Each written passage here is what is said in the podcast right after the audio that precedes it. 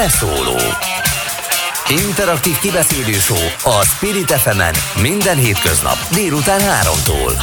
Várjuk hívásaikat a 0630 116 38 44-es nem emelt díjas telefonszámon. A mikrofonnál Hont András szép délutánt szeretnék kívánni, és a forintról lesz szó, hogy a szép délutánunkat jól lerontsunk. Amikor elkezdjük a beszélgetést, akkor mit tudom én, olyan 400 forint körül van. Lehet, hogy amire abba hagyjuk, akkor már 410 is lesz.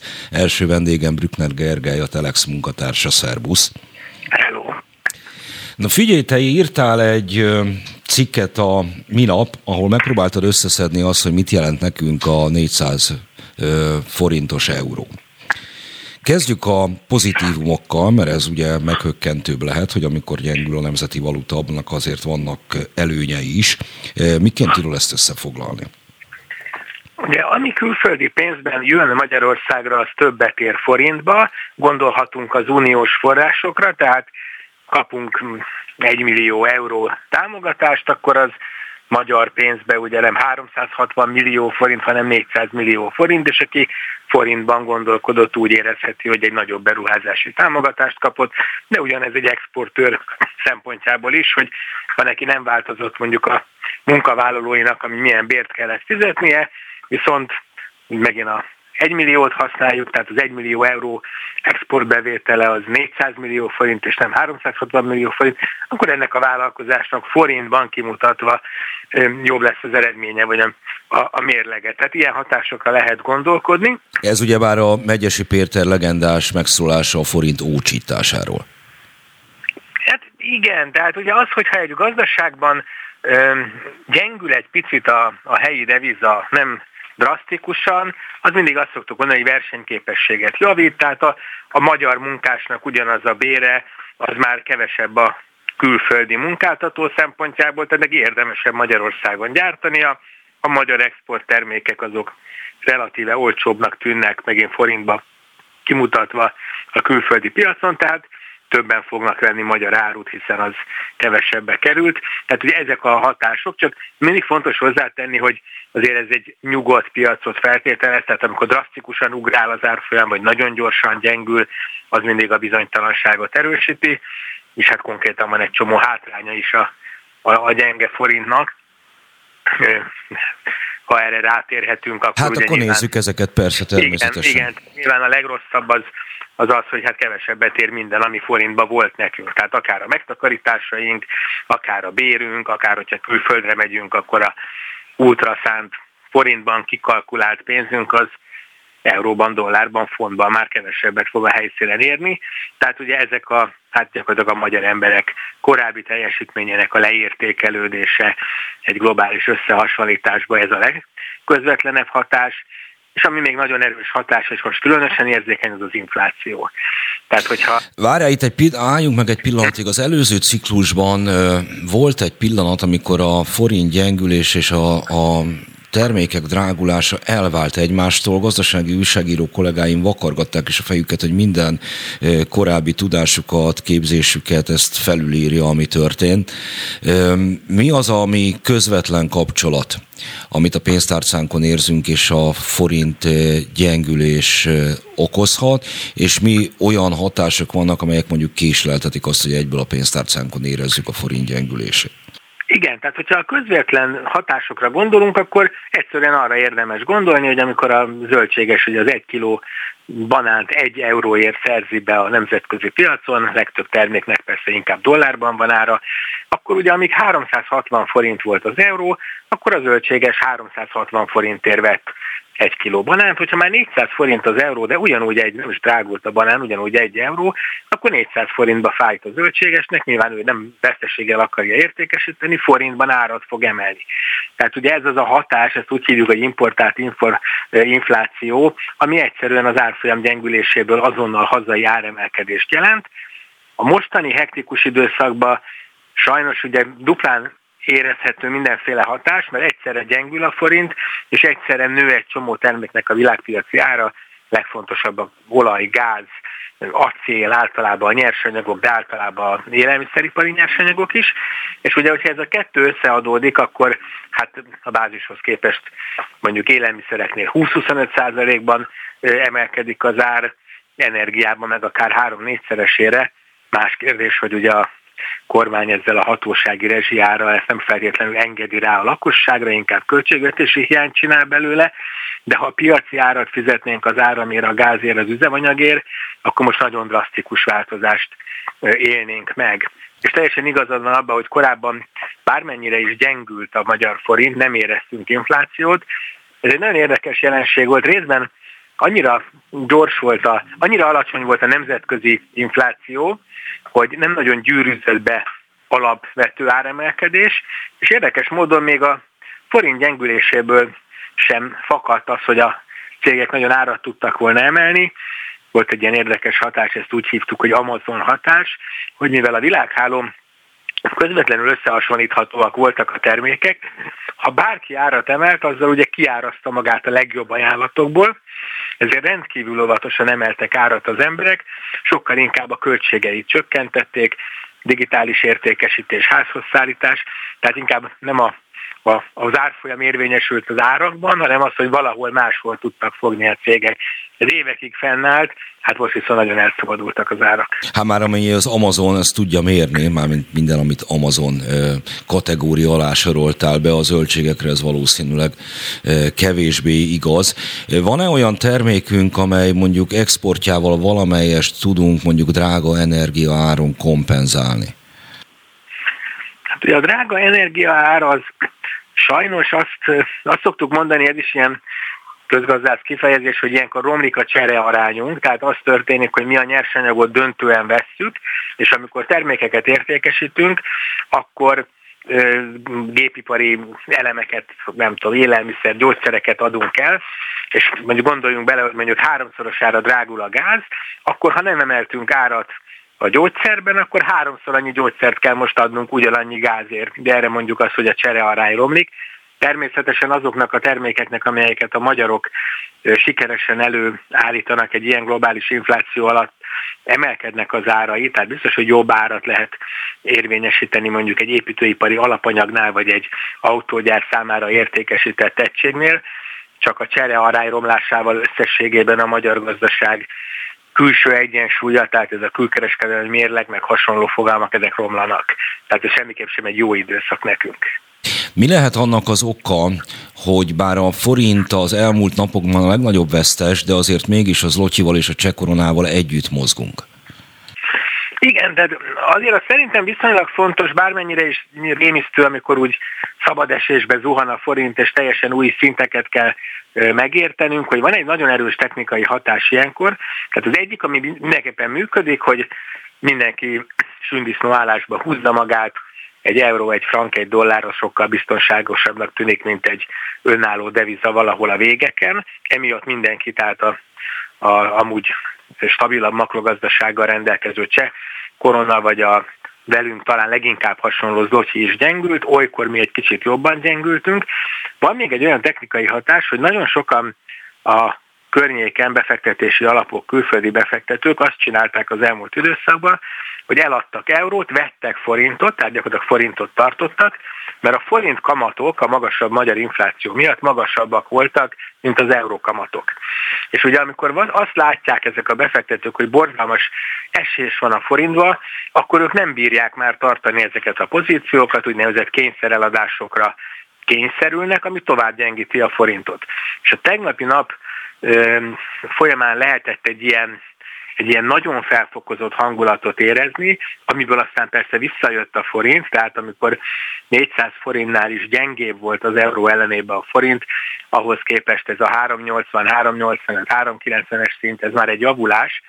Ebben mindenképpen volt egy, egy olyan turbulencia, ami nem volt indokolt, de sajnos összességében is igaz, hogy közel vagyunk a háborúhoz, erősek az ukrán-orosz gazdasági kapcsolataink, tehát joggal feltételezik azt a befektetők, hogy a magyar gazdaság és a forint jobban megérzi ezt a válságot, és akkor még nyilván nem katonai eseményekről beszéltünk, csak pusztán gazdasági kapcsolatokról, és hát általában is van ilyenkor egy, mindenki keresi a biztonságos mennyországot, kikötőt, safe havennek szokták, tehát inkább kikötőnek mondani ezt a fogalmat. Ugye ez arról szól, hogy olyan pozíciókban mennek a befektetők, ahol nem várnak akkor árelmozdulást, és ez jellemzően arany, frank, amerikai dollár, német államkötvény, de nem a forint.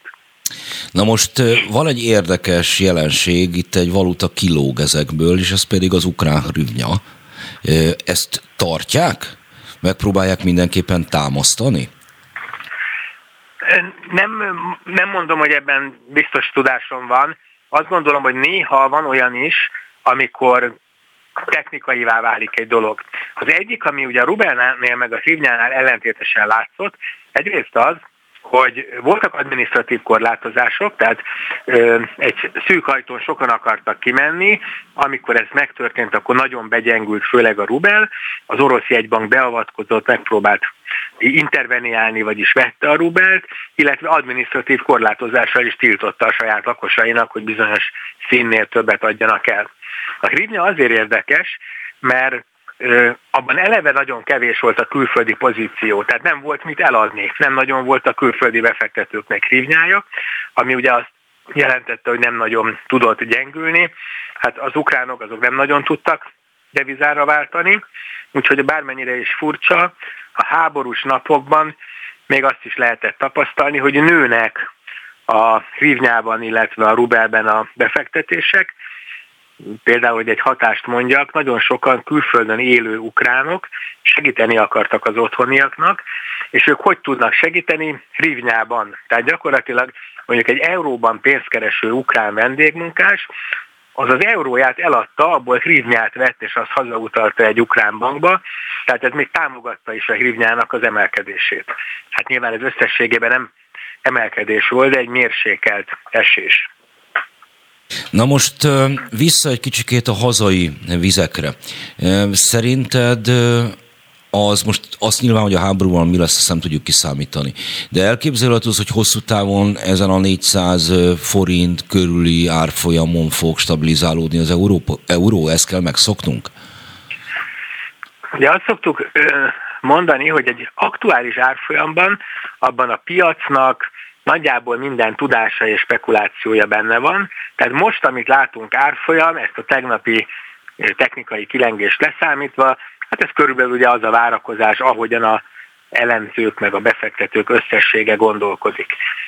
Nagyon, nagyon nehéz sajnos látni azokat a, azokat a hatásokat, amelyek érdemi megnyugvást hoznának a piacra, ha még a legoptimistábbak vagyunk a harci eseményeket és az áldozatokat tekintve, akkor is hát az biztosan borítékolható, hogy egy új hidegháborús helyzet, egy sokkal szűkebb kereskedelmi kapcsolat, egy gyakorlatilag egy leválása ennek a keleti világnak várható.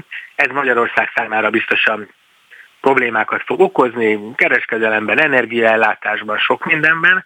Tehát sajnos azt nem gondolom, hogy a korábban stabilnak mondott 350 és 360 környékén levő euró lenne most indokolt, tehát miközben nyilván nem tudom megmondani pontosan, hogy mi egy reális euró árfolyam, de az, hogy ennél gyengébb, mint amit három hete láttunk a piacon, ez, ez nagyon indokoltnak tűnik.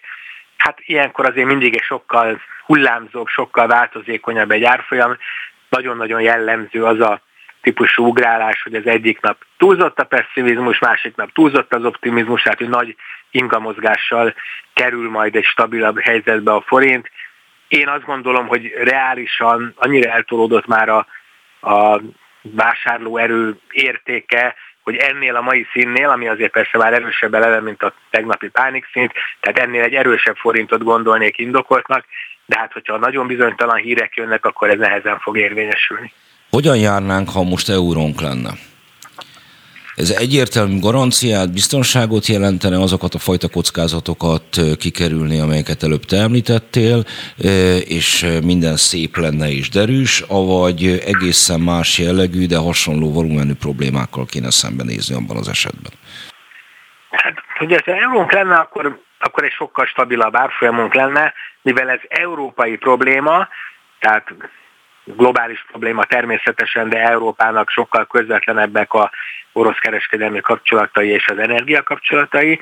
Tehát én akkor is indokoltnak tartanék egy dollár-euró elmozdulást a dollár javára ebben az időszakban, tehát az euró is valószínűleg mondjuk a világpiacon gyengülne, de egy sokkal kisebb kilengéssel. Nyilván ennek is problémái, meg pozitív hatásai vannak, de mondjuk a magyarok megtakarításai jövedelme az kevésbé ugrálna, kevésbé is tudna reagálni a, a piac, tehát akkor lehet, hogy más jellegű ö, pániklépéseket lehetne látni. Ö, a forint az nagyon jól megmutatja mindig egy, egy, egy, egy válságnak a, a, az erősségét, és az olyan szempontból csalóka, hogy amikor mondjuk most arról beszélünk, hogy 360-ról elment 385-ig mondjuk a forint, akkor ugye 10%-ot se változott, tehát nem jó az, hogyha valakinek volt 10 millió forint megtakarítása, és kis képzavarral azt gondolja, hogy az már csak 9 milliót ér, mert ugye 90%-át éri a nemzetközi összehasonlításban, ez nem jó.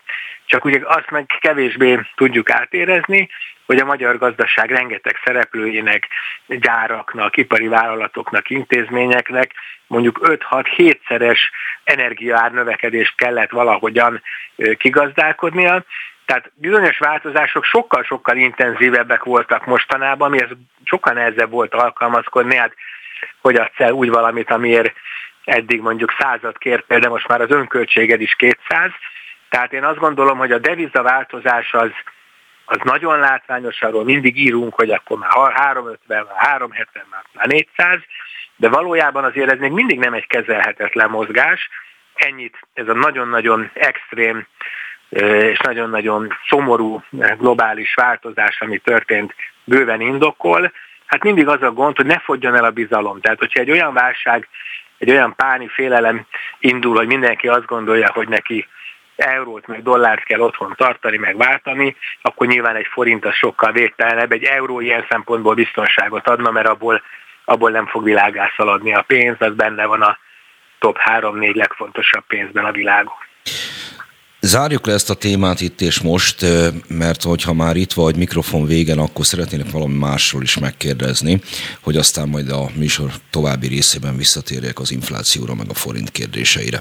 A mai cikked foglalkozik azzal, ami a legnagyobb belpolitikai botrányt okozta az elmúlt hetekben, hogy meggyanúsították Horváth Csaba az uglói polgármestert mindenféle parkolási ügyekből kifolyólag, illetve most adják ki Tóth Csaba, jelenleg még országgyűlési képviselő mentelmi jogát. Te egy számlagyár működésről írtál, amelynek meglehetősen komoly elágazásai vannak mindenfele. Mit találtál ennek a botránynak a központjában? Igen, ez egy nagyon érdekes ügy, és kicsit mi is a jó szó, tehát úgy meg gyorsultam reggel, mert ugye nekem azért volt ez egy e, személyesen egy nagyon régóta, legalább majdnem egy fél éve dolgoztam ezen a témán, és ma reggel kijött a 444 egy nagyon e, erős anyaggal, ahol konkrét dokumentumokat is be tudtak e, fotózni ebben az ügyben, úgyhogy hát én azt kértem a főnökeimtől, hogy akkor most már hát mi sem időzítsünk, vagy ne üljünk rajta, hanem ezt az anyagot akkor gyorsan lőjük ki, és hát ugye ez, ez jelent meg reggel. Ha a 444 nem hozott volna ebben a témában egy erős anyagot, akkor még lehet, hogy dolgoztam volna rajta. Tehát én a Horváth Csaba és az MSZP-s politikusok ügyéről gyakorlatilag semmit nem tudtam. Én, én pont a másik végével foglalkoztam a történetnek, hogy két-három éve zajlik egy nyomozás, egy soha nem látott szám, kiterjedtségű számlagyárral kapcsolatban, ez Győrben zajlott ez a nyomozás, és ugye én abban láttam bele, hogy hogy egyrészt milyen nyomozati lépések történtek, mekkora hatalmas összegről, hogy működött ez, és hát ami a legérdekesebb volt nekem, hogy, hogy milyen, milyen komoly vállalatoknál is volt házkutatás, vagy kik vettek ilyen számlákat, és abban a, a melóban, amit én ebbe beleraktam, abban ugye egyáltalán nem kerültek elő azok, akik, akiket később azzal gyanúsítottak meg, hogy az így felszabadított fekete pénzből esetleg kaptak korrupciós összeget. Én erről semmit nem tudok. Tehát pont a, az MSZP-s politikusok részénél... Várjál, tehát tisztázzuk azt, hogy van ez a számlagyár Győrben, amely kibocsát fiktív szolgáltatásokról nagy összegű számlákat, amelyeket befogadnak olyan cégek, mint az Antenna Hungária vagy a T-Systems. Igen. Igen, tehát de Győrben a nyomozás volt nem nagyon fontos, de alapvetően fővárosi, meg egy-két vidéki cég volt a maga a, a hálózat, és gyakorlatilag ugye több szempontból érdemes egy számlát befogadni egy cégnek. Az egyik az, legyünk jó hiszeműek, egyszerűen csak oda akarja adni a munkavállalóinak, viszont szeretne adót csalni, kisebb közterhet szeretne fizetni, úgyhogy neki jobb az, hogyha... Mert ugye mi történik? Ilyenkor befogad egy számlát a cég, az ki is fizeti annak, aki kiállította, de akinek kiállította, aki kiállította a számlát, az cashbe visszaadja, mert valójában ugye ő nem végzett szolgáltatást, tehát így föl lehet szabadítani készpénzt. Egy sokkal rosszabb verzió az, hogyha a felszabadított készpénzből valaki azt ellopja, és talán még rosszabb az, hogyha azért szabadít föl valaki készpénzt, hogy korrupcióra tudja azt használni. És mivel a számlákat befogadó cégek között voltak informatikai cégek, volt parkolási cég, én azt gondolom, itt csak feltételezéseim vannak, hogy ugye azért kapcsolódhat ez a különböző politikusokat érintő botrány ehhez az ügyhöz, mert például az egyik olyan cég, amelyik befogadott ilyen fiktív számlákat, az pont a zuglói parkolást végző FIS parking volt, tehát azt lehet feltételezni, hogy miután vagy hónapokig ben volt a számlagyár néhány vezetője előzetesben, hát valószínűleg valamilyen alkú keretében mondtak arról valamit, hogy hogyan használták fel ezeket a felszabadított pénzeket. Azt természetesen nem tudom, és azért is fogalmazok nagyon óvatosan az MSZP-s politikusokkal kapcsolatban, hogy itt bármi több van-e, van-e valamilyen titkos megfigyelés, vagy egyszerűen egy deklaráltan bűnöző figura, aki ugye a szánlákkal mahinál, vallott valakire vádalkú keretében, de nem feltétlenül tudja azt bizonyítani, hanem majd állítással, állítással szembe. Az ügyészség elég határozott, tehát lehet, hogy ennél neki több van a tarsajában, de hát ezt majd a későbbiekben tudjuk meg. Amivel az én cikkem leginkább foglalkozik, az a számlagyár, és a számlagyárnak ez az elit része, tehát ezek a minőségi cégek közötti utalások, magyarázatok, ki hogy indokolja ezt, milyen lépéseket tett a NAV, nagyon-nagyon érdekes téma, és szerintem még lesz folytatása. Én is így gondolom, hogy lesz még folytatása, hogy neked meg köszönöm, hogy itt voltál velünk, hírek fognak következni, most is utána jövünk vissza Brückner Gergelynek, a Telex munkatársának. Köszönöm, hogy, köszönöm, hogy rendelkezésünkre állt. Szia. Köszönöm szépen, hello!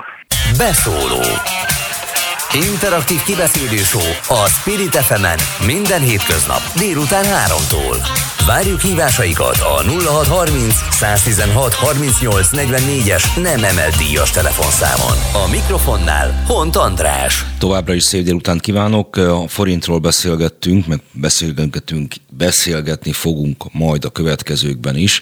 Elsősorban arról, hogy mit jelent nekünk a forint jelen pillanatban látványosnak tűnő gyengülése, és ezt megpróbáljuk körbejárni különböző iparágoknál is. A következő percekben a vendégem Várkonyi Gábor autópiaci szakértő. Jó napot kívánok! Jó napot kívánok, üdvözlöm a hallgatókat! Hát akkor roppant egyszerűen a közepébe vágok. Mit jelent az autóiparnak a 400 forintos euró? Hát azt jelenti, nagyon egyszerűen megfogalmazva a dolgot, hogy ez túl van azon a tűrés határon, amivel mondjuk egy importőr hosszú távú pénzügyi modelljei alapján számolni tud, amikor áraz. Tehát a, a, az autóimportőrök alapvetően, most ugye az új autóimportőrökről beszélünk, aztán a használt piacra is ki tudunk térni egy pillanatra, az új autóimportőrök ugye alapvetően igyekeznek fedezni azt a rizikót különböző pénzügyi modellekkel és, és ehhez kapható mondjuk biztosításokkal, ami abból fakad, hogy esetben erősen elkezd ingadozni a forintnak az árfolyama. Ezt néhány hónapra, vagy akár egy pénzügyi évre tervezve meg lehet oldani, de, de akkor sem feltétlenül ebben a mértékben, mint amekkora mértékben nagyon rövid idő alatt ugye, nagyon jelentősen gyengült a, a, a forint az képest. Ez egy egyébként is kiegyezett piaci helyzetben, amikor alapvető iparági drágulásokat láthatunk, ugye nem inflációs mértékben, hanem azt meghaladó módon különböző technológiai kérdések és nyersanyag hiányok kapcsán. Egy különleges plusz terhet rak a, a magyar autópiac szereplőire, hiszen már egyébként is elszálltak az autóárak, és akkor még az elszállt autóárakhoz képest itt egy egy tényleg jelentős teher van pluszban, miközben ugye volumen modellekre kell most már lassan egy-másfél éveket várni. Miért szálltak el az autóárak? Az autóárak elszállása az alapvetően a Covid-tól és mondjuk az ukrán-orosz helyzettől függetlenül is megtörtént volna. Elsősorban azért, mert technológiai kérdések kapcsán az Európai Unió autóipar zöldítésére vonatkozó terveit figyelembe véve, ugye olyan vállalásokat és olyan technológiai váltásokat kell véghez vinni rövid idő alatt az autóiparban, amelyet az autóipar képviselő igyekeztek, amennyire ez lehetséges volt elhúzni, de azért az elektromobilitással, a széndiokszid kvótákkal, a, a különböző szabályozási kérdésekkel kapcsolatos többletköltségek, azok alapvetően is drágították volna az autókat. Azzal együtt, vagy azzal a hatással együtt kell ezt értelmezni, hogy az autógyártóknak a jelenlegi helyzetben nem annyira éri meg a kisebb kategóriákban, tehát a megfizethetőbb, átlagosabb, a középosztálynak szóló kategóriában lévő autóknak a, a gyártása. Amire rájön az a hatás, amiről Covid és az ukrán-orosz helyzet kapcsán még beszélhetünk, meg a nyersanyag hiány kapcsán még beszélhetünk, hiszen egész egyszerű alkatrész hiány van, és ez az alkatrész hiány, meg, meg nyersanyag hiány, meg ellátási lánc megszakadás, ez azt eredményezte autógyártói oldalon, hogy a szűkösen elérhető erőforrásokat olyan modellek gyártására allokálják, amelyek értelemszerűen a magasabb kategóriában az árakra nem érzékeny vevőkört ö, ö, kiszolgálva rekord profitokhoz juttatták gyakorlatilag a 2021-es évben a legtöbb autógyártót. Magyarán szóval luxusautót érdemes gyártani, mert arra változatlan a kereslet. Pontosan, ez egy, ez egy világtrend.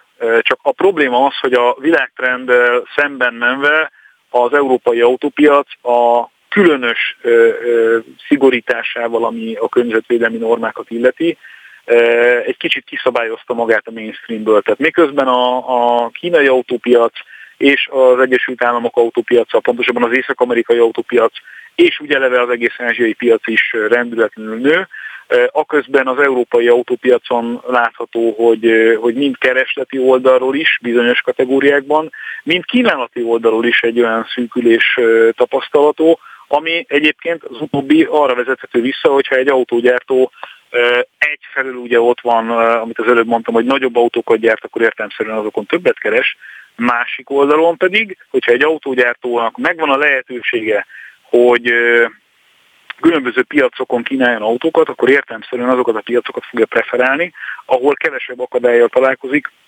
mondjuk törvényhozói oldalon. Tehát a gyártás allokáció is nem csak modelleken belül, hanem piacokon belül is máshogyan működik. Ha az Egyesült Államokban vagy Kínában ugyanazt az autót kevesebb akadályjal és több pénzért tudom eladni, mint a, mint a nagyon nehézkesen működő európai piacon, ahol egyébként ugye a széndiokszid kvóták kapcsán még ráadásul napi szinten figyelni kell azt, hogy milyen autót adunk el, és amellé milyen autót adunk el, ugye ez nagyon fontos, hogy egy modell mixet kell figyelni Európában, addig egyszerűen nem éri meg az európai autópiacot elsődleges prioritásként megtartani autógyártói szemmel nézve. Na és akkor erre jön még rá ezek a különböző kis mozaikokra, amik összességében is elég nagy problémát jelentenek jelenleg az autóiparban. Erre jön még rá az, hogy mondjuk itt a magyar autópiacon kvázi a tervezhetetlenség szintjeig jutunk el azzal, hogy egyik napra a másikra ekkorát tud gyengülni a forint. Akkor térjünk rá a használt autópiacra, mert mint említette, a gyártásnál jelen pillanatban a felső kategóriás autókat preferálják. De ez okozhatott volna ö, olyan ö, tendenciákat is a használt autópiacon, hogy, sőt, hát valószínűleg akkor ez okozott, hogy akkor miután nem lehet új gyártású középkategóriás autókat megfizethető áron kapni, hogy akkor megnő a használt autók iránti kereslet, tehát ez felviszi az árat. Csak hogy van ezzel egy ellentétes tendencia is, hogy pont a, az említett energiaválság miatt egyre többeknek nem éri meg autót tartani, vagy mondjuk két autót tartani egy családnak, tehát mondjuk egy kínálati túlnyomás jelentkezik a piacon. Ebből igazából ilyen összességében mi lett? Miért? Kínálati túlnyomás az egyáltalán nem jelentkezik szerencsére. Sőt, nagyon jó is lenne, ha lenne egy pici kínálati felpörgés. Hát én is azt mondom, mert, mert magántermészeti okokból ezt mondom, de sajnos nem ezt tapasztalom. Igen, igen, igen, igen. Nagyon egyszerű példát tudok erre mondani. Egy a két legnagyobb használt autós portált Európában, nem fogom kimondani a nevét, de ezeket általában ismeri mindenki, aki böngészhet már mondjuk úgy autó után, hogy adott esetben szóba jött az, hogy külföldről is megnézi, hogy milyen kínálati árak vannak, és mit lehetne esetleg csinálni. Na most a, a legnagyobb ilyen portáloknál olyan 1,9-2 millió közötti hirdetés volt jellemző békeidőben. Tehát ennyi autóból lehetett válogatni. Jelenleg a legnagyobb használható sportálon, ez a kb. 1,9 millió autó nem található meg, helyette kb. 1,2 millióból lehet válogatni. Tehát harmadával esett vissza. 34-35 százalék, drámai, drámai különbség. Tehát ez, ez, ez nem egy picit kevesebb autót jelent, meg egy picit nehezebb piacot, hanem, hanem ez rendszer szintű problémát jelent jelen pillanatban. Egyszerűen messze-messze nincs annyi autó, mint amennyire kereslet lenne, és ez leges legfőképpen ugye a fiatal autókat érinti, hiszen amikor bemegy a, az autó iránt érdeklődő magánvásárló, vagy éppen a flottakezelő a szalomba, és, és azt mondják neki, hogy, hogy 18 hónap, meg 24 hónap árakozási idő van teljesen átlagos autókra, és autóra meg szükség van, akkor értelemszerűen a fiatal használt autók irányába fog elterülődni a, a figyelem.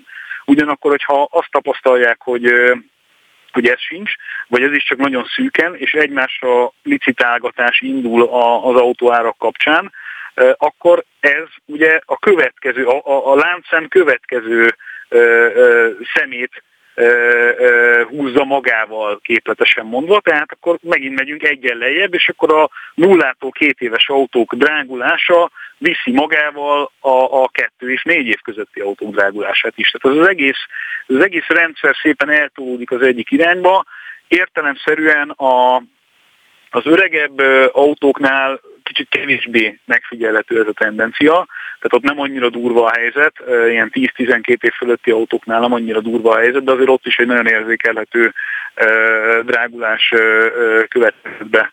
Úgyhogy, úgyhogy ez nem egy, nem, egy, nem egy könnyű szitu, és, és emellé még egyszer, hogyha a magyar helyzetre akarunk valami konkrétumot mondani, a, a használt autóimportot is rettenetesen megnehezíti ez a, ez a dolog, hiszen 380-as euróval számolva ugye nagyon-nagyon sokkal többért lehet behozni mondjuk azt az autót, ami 10 euró volt eddig. Vagy, vagy ennél drágább. Értem. Na most elsősorban autó kereskedés az, ami, amivel foglalkoznak, meg amiről beszéltünk, de Magyarországot azért érinti itt az autópiac esetében valami más is. Igaz, hogy ennek nem az egyes felhasználó, vásárló szempontjából van jelentősége, hanem inkább a nemzetgazdaság egészéből. Magyarországon autógyárak működnek, az ő esetükben mit jelenthet az, hogy gyengül a forint, és mit jelenthet az a helyzet, ami most a nemzetközi autópiacon van?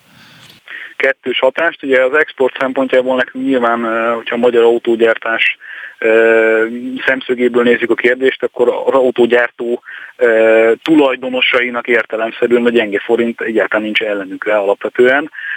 Ugyanakkor a, az ellátási problémák azok teljes erővel jelentkeznek itt is. Tehát a chip hiányra rájött a kábelkorbács hiány, ami ugye az ukrán helyzet miatt adó, adódott egyszerűen itt a semmiből. Tehát ezzel abszolút nem számol senki, és ennek egyébként fájdalmasabb kihatásai lesznek itt rövid, rövid és középtávon, mint mondjuk a Covid-nál. Ugyanis a Covid egy, egy szimultán helyzetet teremtett. Azt értem ez alatt, hogy, hogy egyszerre egyszerre ment vissza a termelés és a kereslet. Nem volt túl pörgetve a gyártás, és nem volt túlzottan pörgetve a kereslet sem. Ezek szépen ilyen, mint hogyha, hogyha két potmétert egyszerre húztunk volna le, és amikor újraindult az élet, akkor nagyjából egyszerre is tudtuk őket vissza, visszatolni. Most a, a, a chip hiány, meg az ezek kapcsán kialakuló problémák többé-kevésbé kezelhetőek voltak, de arra nem számolt senki, hogy itt egyik napra a másikra kiesik stratégiai szempontból fontos alkatrészeket gyártó ország ebből a képletből, Ukrajnába gyártják a, a kábelkorbácsoknak a jelentős részét az európai autógyártók számára, és nincsen nagyon gyorsan megoldható rövid távú helyzetkezelése ennek a dolognak. De a kábelkorbács is egy olyan alkatrész, ami alapvetően egy egyedi dolog. Tehát nem úgy kell elképzelni, hogy itt előre gyártunk, vagy máshol gyártunk, vagy hirtelen máshol felfuttatunk gyártást káber kolbácsok kapcsán. Ez még mindig egy olyan alkatrész, amiben az élő munkaerőnek a, a, a hozzáadott értéke eléggé magas, és minden autónak viszonylag egyedi a, a, az ilyen jellegű kivitelezése. Tehát e, egyszerűen ott vagyunk, hogy majdnem kész egy autó, csak nem tudjuk tovább gyártani, mert hiányzik belőle egy alkatrész. Ezek nagyon képletes, és nem, nyilván nem így működik ez a, a, a, gyakorlatban, de amellé, hogy láthatunk olyan képeket, hogy autókból hiányoznak bizonyos alkatrészek, és ezért nem lehet őket eladni, ilyen ez világszerte létezik az jelenség, amellé még rájön egy olyan dolog is, mint ezzel a kábelkolbácsos témával, hogy bizonyos dolgokat el se lehet kezdeni, mert egyszerűen az alapok hiányoznak hozzá. Na most tételezzük fel azt, hogy mi lesz a háborúval, nyilvánvalóan azzal kapcsolatban jósolni nem tud. De valami egyszer csak lesz, vagy vége van a háborúnak, vagy azokat a kapacitásokat máshol kiváltják. lesz a piacnak valamikor egy ilyen visszakorrigáló szakasza? Tehát mondjuk érdemese, aki autót akar vásárolni, akár újat, akár használtat, várni a közeljövőben valami enni jobb időkre? Kifejezetten nem. Tehát erre egy nagyon egyértelmű választok mondani, akinek a fejében van az, hogy autót akar vásárolni, az most siessen. Ennél csak rosszabb lesz minden, ugyanis a nyersanyagárak kezdenek nagyon-nagyon keményen elszállni. Tehát minden, ami kell ahhoz, hogy autót gyártsunk, az egyenként, egyenként összetevő kapcsán is egy eltérő mértékű, de néha nagyon drámai, ilyen durva drágulást tapasztalatunk világpiaci szinten tehát itt, itt, ja, és akkor ugye még a, a, a most elkezdődő különböző hiányokról nem is beszéltem. Tehát az, hogy, hogy a nikkel egy, egy problémát fog jelenteni, éppen ma reggel írt róla egy bejegyzést, az, hogy az alumínium jelentősen megdrágul, az, hogy a nyersanyag árak, kvázi az ott kezdve a, a, a guminát mindenben drágulnak, ennek gyártási ö, drágulás lesz a vége az egyik oldalon. A másik oldalon pedig egyszerűen tovább fog folytatódni ez a tendencia, hogy, hogy egyszerűen kis autókat nem éri majd meggyártani, és számos autógyártó vissza fog húzódni ebből a kategóriából. A, ezzel párhuzamosan zajló technológiai transfer és technológiai újítás pedig egyenként autógyártónként sok milliárd eurós terhet ró a gyártókra, ezt pedig valahol vissza kell hozni.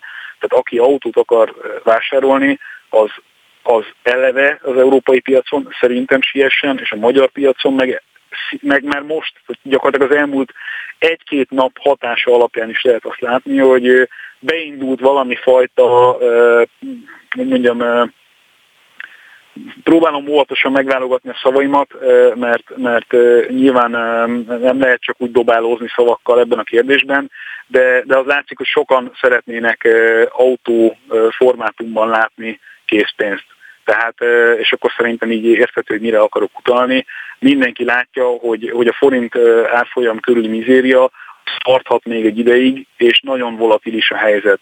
Nem nagyon számít arra szerintem a, a piac nagy része, hogy itt, itt tartósan vissza fogunk térni mondjuk a 360 körüli euró árfolyamra. Ennek következtében ezt a 20-30 forintos drágulást, függően attól, hogy, hogy hol fog ez a végén megállni, ezt be fogja árazni hamarosan a piac, tehát rövidesen a használt és az új autó kapcsán is egy érzékelhető áremelés lesz, tehát érdemes sietni annak, aki autót akar venni. Biztos, hogy nem lesz jobb a helyzet fél év múlva vagy egy év múlva. Garantált. Köszönöm szépen Várkonyi Gábor autópiaci szakértőnek, hogy itt volt velünk, és akkor ezzel forinttal fogjuk folytatni az adást. Köszönöm szépen még egyszer. Köszönöm. És akkor itt van velünk már Koi László, az ö, építőipari vállalkozók országos szakszövetségének az elnöke. Jó napot kívánok! Jó napot kívánok!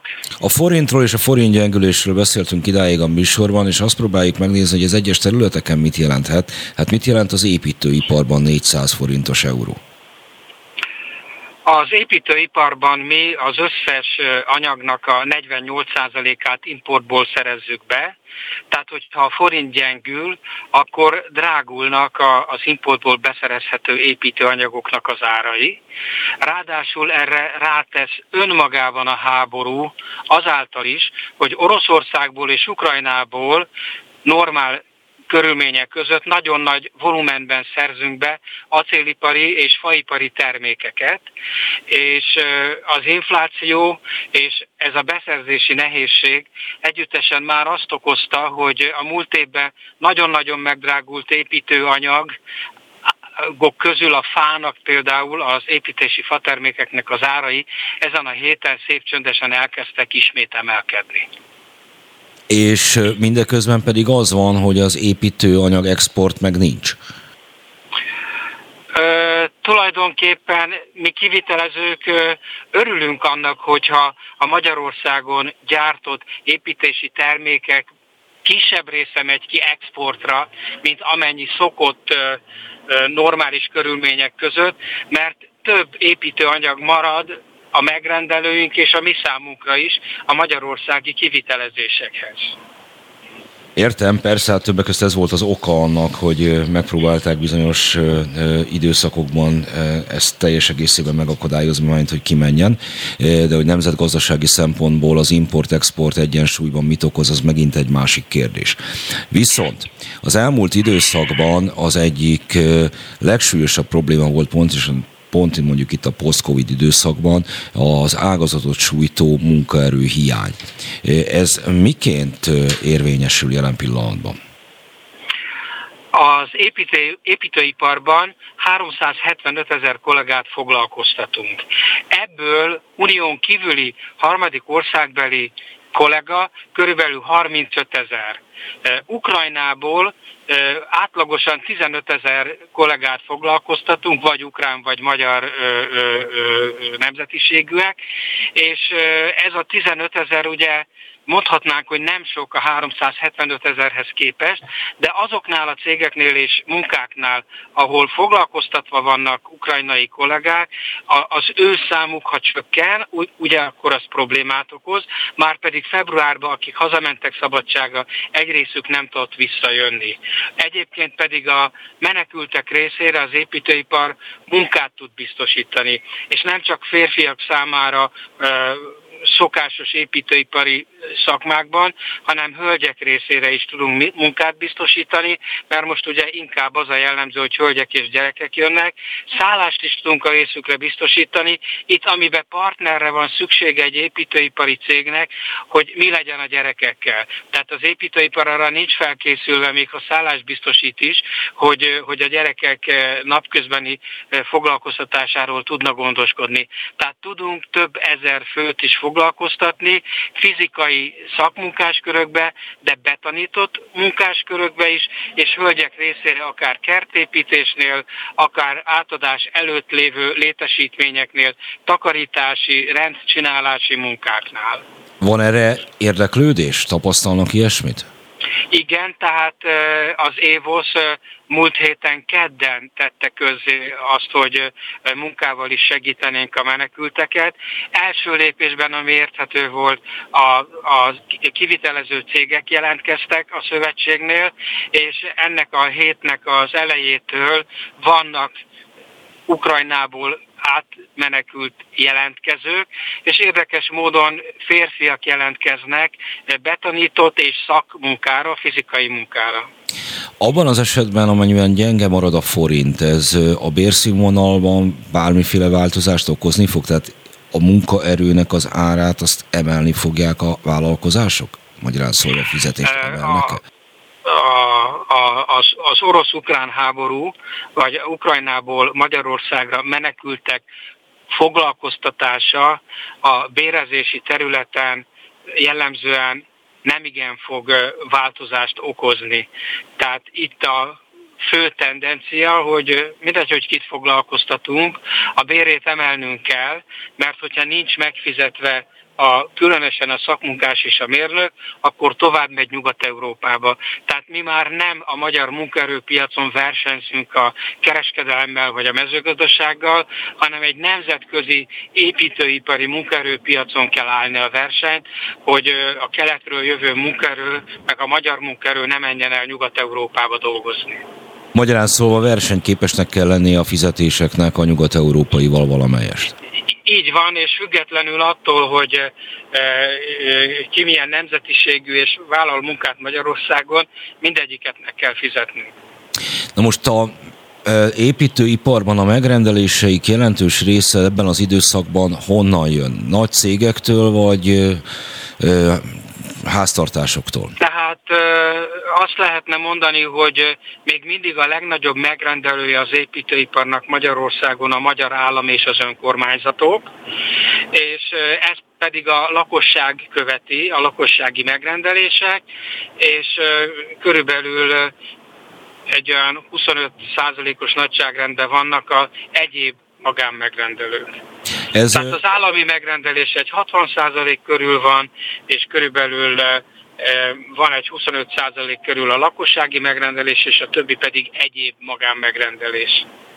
Na most Bruckner Gergelyel, a Telex munkatársával beszélgettem a műsor elején, ugye a forint gyengülésének az egyik pozitívuma, a kevés pozitívum közül az, hogy abban az esetben, ha megjönnek külföldről támogatások, vagy adott esetben mondjuk hazautal, hazautalások külföldön dolgozó magyaroktól, de itt mégis esetünkben a, az uniós támogatások az érdekesek, az jó lehet. Abban az esetben, hogyha Magyarország mondjuk felszabadul a helyreállítási alap és kapja időarányosan az uniós támogatásokat. Ha az a jelenség igaz, amit előbb említett, hogy a legnagyobb megrendelők az állami önkormányzati eh, partnerek, akkor az adott esetben ez az építőiparnak még jót is tehet. Hogy bővülni fognak a források, amelyeket építésre szánnak. Úgy legyen, ahogy szerkesztő úr mondja, jelen pillanatban az építőipar rendelés állománya összességében 12%-kal kisebb, mint egy évvel ezelőtt volt, és ennek elsődlegesen az az oka, hogy az állam és az önkormányzatok lényegesen kevesebbet rendelnek, mint a múlt évben rendeltek.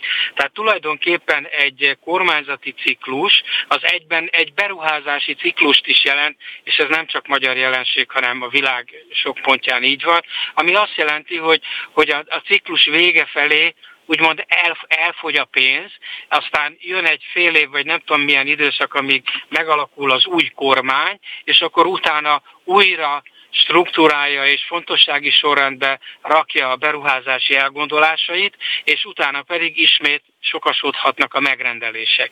Tehát az év második fele valószínűleg úgy alakul, hogy kevesebb lesz az állami és önkormányzati megrendelésünk és a rajta végzett munka, mint tavaly volt. Na most erre azt is mondhatnánk, hogy örülhet a kedves rádióhallgató, mert a lakosság vagy a magánszektor felé több építőipari kapacitás fog rendelkezésre állni az év végén, mint adott esetben most vagy a múlt évben. És ez így lesz? A számok egyelőre ezt mutatják, ugye tele vagyunk bizonytalanságokkal, tehát nem tudjuk, hogy a háború mit hoz, nem tudjuk, hogy az infláció mit hoz, hogyan alakul az egyes megrendelői csoportjainknak a fizetőképes kereslete. Egyelőre a lakossági fizetőképes keresletnek a csökkenését nem tapasztaljuk. Tehát a lakásépítésnél és a lakásfelújításnál nincs egyelőre megtorpanás. Értem. Nagyon szépen köszönöm, hogy itt volt velünk. A műsorunkat folytatni fogjuk a hírek után. Koi Lászlóval, az Évosz elnökével beszélgettem. Beszóló Interaktív kibeszélő a Spirit fm minden hétköznap délután 3-tól. Várjuk hívásaikat a 0630 116 38 44-es nem emelt díjas telefonszámon. A mikrofonnál Hont András. Továbbra is szép délután kívánok mindenkinek és egyéb napszakokat. Folytatjuk tovább a műsorunkat, amiben a forintnak az árfolyam változásaival, ami jelen pillanatban gyengülést jelent egyértelműen foglalkozunk. És itt a te- telefonban velem Beke Károly, a portfólió elemzője. Jó napot kívánok! Jó napot kívánok, üdvözlöm a kedves hallgatókat! Volt egy podcast adásuk tavaly év végén, évelején, amely arról szólt, hogy az átlag magyarok azok valószínűleg kellemes fogják megélni 2022 elejét, hogy ez pozitív változások lesznek, és azt is mondta, hogy valószínűleg már hát nem fog tovább gyengülni a forint, ezt már öntette hozzá ebben az adásban. Hát a háborúval nem lehetett kalkulálni, de összességében azt lehet mondani, hogy a várakozásaink nem váltak valóra eddig. Hát azt gondolom, hogy tavaly évvégén senki nem látta az orosz-ukrán háborút, de nem kell tavaly évvégéig visszamenni, ha két-három héttel ezelőtt megkérdezi tőlem valaki, akkor is ugyanezt mondtam volna, hogy nem fog tovább gyengülni a forint, és nagyjából ez a 350-360-as szint ö, elérhetőnek tűnt az idei év egészében. Aztán jött a háború, amivel szerintem nagyon kevesen számoltak, tehát akikkel beszéltem a piacon, akár befektetők, akár elemzők, mindenki azt mondta, hogy persze benne volt a veszély a levegőben, lehetett tudni azt, hogy van egy konfliktus az oroszok és az ukránok között, de senki nem gondolta azt, hogy ez eddig fog fajulni. Nyilvánvaló, és ennek nyilvánvalóan nem csupán gazdasági hatásai vannak, hanem sok minden más egyéb is. Csak és kizárólag a háború az, amely jelen pillanatban egy ilyen bizonytalansági forrást jelent, vagy vannak más egyébek is, amik itt felhalmozódnak, és pont a háború miatt nem tudunk szembenézni velük. Mire lehet számítani a közeljövőben? Hát elsősorban a háború, illetve annak következményei azok, amik most nyomás alatt tartják a forintot is. Tehát ugye a háborúból következik egy sor olyan kockázat, a magyar gazdaság lassulása, az infláció további emelkedése, amelyek, amelyek a forintot is nyomás alatt tartják. Egyelőre mi továbbra is azt látjuk, itt a sajtóirekkel ellentétben, hogy azért regionális összevetésben annyira nem teljesít rosszul a forint, tehát nincs nagyságrendi különbség mondjuk a lengyel zloty és a forint ár árfolyama között. Éppen az elmúlt percekben néztem meg, hogy egy hónap alatt 0,7%-kal gyengült a forint az Lotyihoz képest. Tehát ez gyakorlatilag azt jelenti, hogy párhuzamosan mozog a két deviza. Igen, erről beszéltünk az adás első felében, hogy nem csak az Lotyival, hanem a cseh koronával is nagyjából együtt mozog a, a forint. Mi az, ami nekünk kedvező hír lehet a közeljövőben? Mi az, ami, ami valamiféle reménykedésre ad okot? Akár mondjuk az a helyzet, hogy mégiscsak Magyarország Lengyelországgal egyetemben a legnagyobb menekült befogadó, és ezt talán mondjuk az unió, uniós piacok szereplők honorálni tudják. Vagy tudom is én. Hát ugye ennek az egyik oldala az lehet, hogy honorálni tudják pénzügyileg, a másik oldala viszont ennek lehet egy, egy negatív gazdasági következménye is. Tehát lehetett hallani már az elmúlt napokban olyan hangokat, hogy itt nem csak az orosz és az ukrán turisták fognak elmaradni idén Magyarországról, hanem azok a nyugati turisták is, akik adott esetben félnek attól, hogy közel van a háborús helyzet, és, és mondjuk nem szívesen utaznak most Budapestre, akár az Egyesült Államokból, akár Nyugat-Európából. Tehát ez egy nagyon kétélű dolog. Én azt gondolom, hogy önmagában Magyarország hát abban bízhat, hogy ez a háború minél előbb véget ér, és nem lesz egy elhúzódó konfliktus olyan, olyan tényező szerintem nincs, ami, ami önmagában Magyarországon a forinton lévő nyomást csökkenteni. Mi az, amit ön reálisnak tartana a forint árfolyamban? Mi az a, az a szint, ahová vissza kell erősödni a forintnak, vagy ahová adott esetben gyengülni tud? Hát ez nagyon nehéz kérdés, ahány gazdasági szereplő, annyi vélemény, tehát ha megkérdezünk egy exportra termelő vállalatot, akinek viszonylag kicsi az importigénye, tehát mondjuk nem szerez be alapanyagot, gépet külföldről, akkor ő valószínűleg azt fogja mondani, hogy ő még a 400-as euróval is tökéletesen kibékülne, hiszen, hiszen az neki egy jelentős profit növekedést jelent, hogy külföldre értékesíti a termékét, amit itthon termel meg magyar tehát a forintból és forintban származik neki a költsége. Ha, ha a kisbefektetőt nézzük, vagy, a, vagy azt az embert, akinek mondjuk forintban van a megtakarítása, ő valószínűleg azt mondja, hogy akár ő azt se bánná, a 330-ig erősödne a forint. Tehát uh, szerintem ezek el, eltérő álláspontok. Én azt gondolom, hogy fundamentálisan, tehát ahol a forintnak most a helye lenne a gazdasági fundamentumok alapján, az nagyjából a 350-360 közötti szint. Tehát vannak kockázatok, amit az év elején láttunk, de, de azért a magyar kamat a legmagasabb az egész régióban, az MNB azért úgy tűnik, hogy a, a, a tavalyi kritikák ellenére viszonylag bátran emeli a kamatot. Ugye lehetett attól tartani, hogy majd itt különböző tényezők visszatartják az MNB-t a kamatemeléstől, akár a, a potenciális vesztesége, de, de úgy tűnik, hogy ezeket átszáfolta egy bank. Az infláció azért magas, továbbra is emelkedik, ugye ma jelent meg a februári adat, de, de, de azt gondolom, hogy ez a 350-360-as szint ez abszolút indokolt lehetne. Kielégítőnek tartja a jegybanknak az intézkedéseit ebben a helyzetben?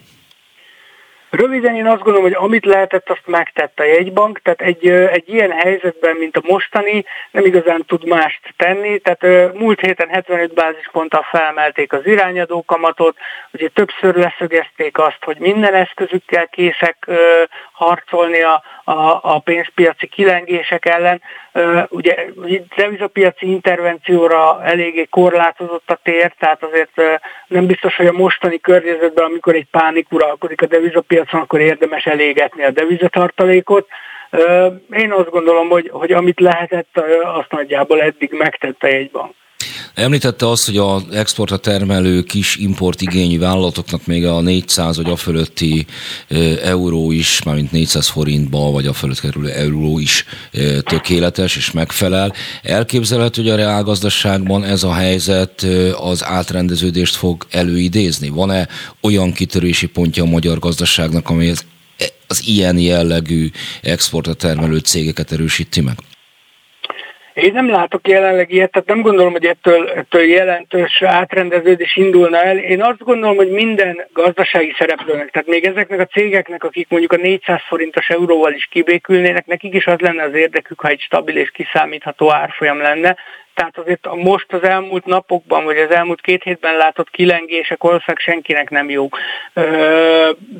Nagyon nehéz tervezni, nagyon nehéz egy üzleti tervet készíteni úgy, hogy egyik nap 360 az euró, majd egy hét múlva 400. Tehát mindenképpen jó lenne az mindenkinek, ha hosszú távon stabilizálódna az árfolyam. Az, hogy ez milyen szinten történik meg, az, az pedig mondom szerintem egyéni preferencia kérdése. Most az elmúlt időszakban a térség valutáit rángatta a helyzet. Elképzelhető az, hogy az euróra átterjed, nem átterjed, hanem az eurót fogja érinteni egy hasonló hullámzás. Ugye ennek jeleit láttuk már az elmúlt két hétben, tehát nem csak a régiós devizák gyengültek, hanem az euró is gyengült a dollárral szemben. Aztán itt is most láttunk egy fordulatot az elmúlt két napban, de ha megnézzük, akkor azért egy hónap alatt még mindig majdnem 3,5 százalékos gyengülésben van az euró a dollárral szemben. Tehát ez a folyamat ez elindult, ezek párhuzamosan zajlanak, ugye azt szokták mondani a kelet-közép-európai devizákra, hogy hogy úgynevezett magas bétájú devizák, ami azt jelenti, hogy erősen korrelál a mozgásuk a dolláréval, tehát amikor a dollár erősödik, akkor ezek a devizák gyengülnek. A dollár most egy elég stabil menedékeszköz lett az elmúlt időszakban a piacon, nem csak a háborúban, hanem már a háború előtt. Ebben van szerepe a két nagy jegybank, az LKB és a Fed eltérő monetáris politikájának, ugye az amerikaiak előrébb tartanak a szigorításban, várhatóan a jövő héten már kamatot emelnek, ez támogatja a dollárt. De, e, és még mi az, ami ezek szerint az amerikai intézkedések mellett szól? Mármint, hogy a dollár mellett? Igen, igen, igen, igen. Ugye a dollárnak nagyon kettős a megítélése, van egy nagyon nagy amerikai adósságállomány, és azt szokták mondani, hogy, hogy ez csökkenti a dollár globális tartalékvaluta szerepét. Sokan azt gondolják, hogy dollárnak most már gyengülnie kellene, de azt látjuk, hogy éppen ellenkezőleg inkább az erősödés felé megy. Ahogy mondtam, ez egyrészt a monetáris politikának köszönhető, illetve rövid távon most az elmúlt hetekben a háború kapcsán egyértelműen látszik az, és nem csak a devizapiacon, hanem például a részvénypiacon is, hogy azért a jóval messzebb lévő, tehát földrajzilag messzebb lévő amerikai piac az sokkal kevésbé érzi meg ezeket a feszültségeket, és ez, ez abból is következik, hogy, hogy a, például az Oroszországra kivetett szankciók jóval kevésbé fájnak az Egyesült Államoknak. Tehát az Egyesült Államok nem importál jelentős mennyiségben orosz gázt, mint például az Európai Unió, nem, nem importál jelentős mennyiségben orosz olajat, tehát ők, ők azt szokták mondani az elemzők, hogy Amerikából bátran lehet szankciókat hozni, mert nekik nem igazán fáj.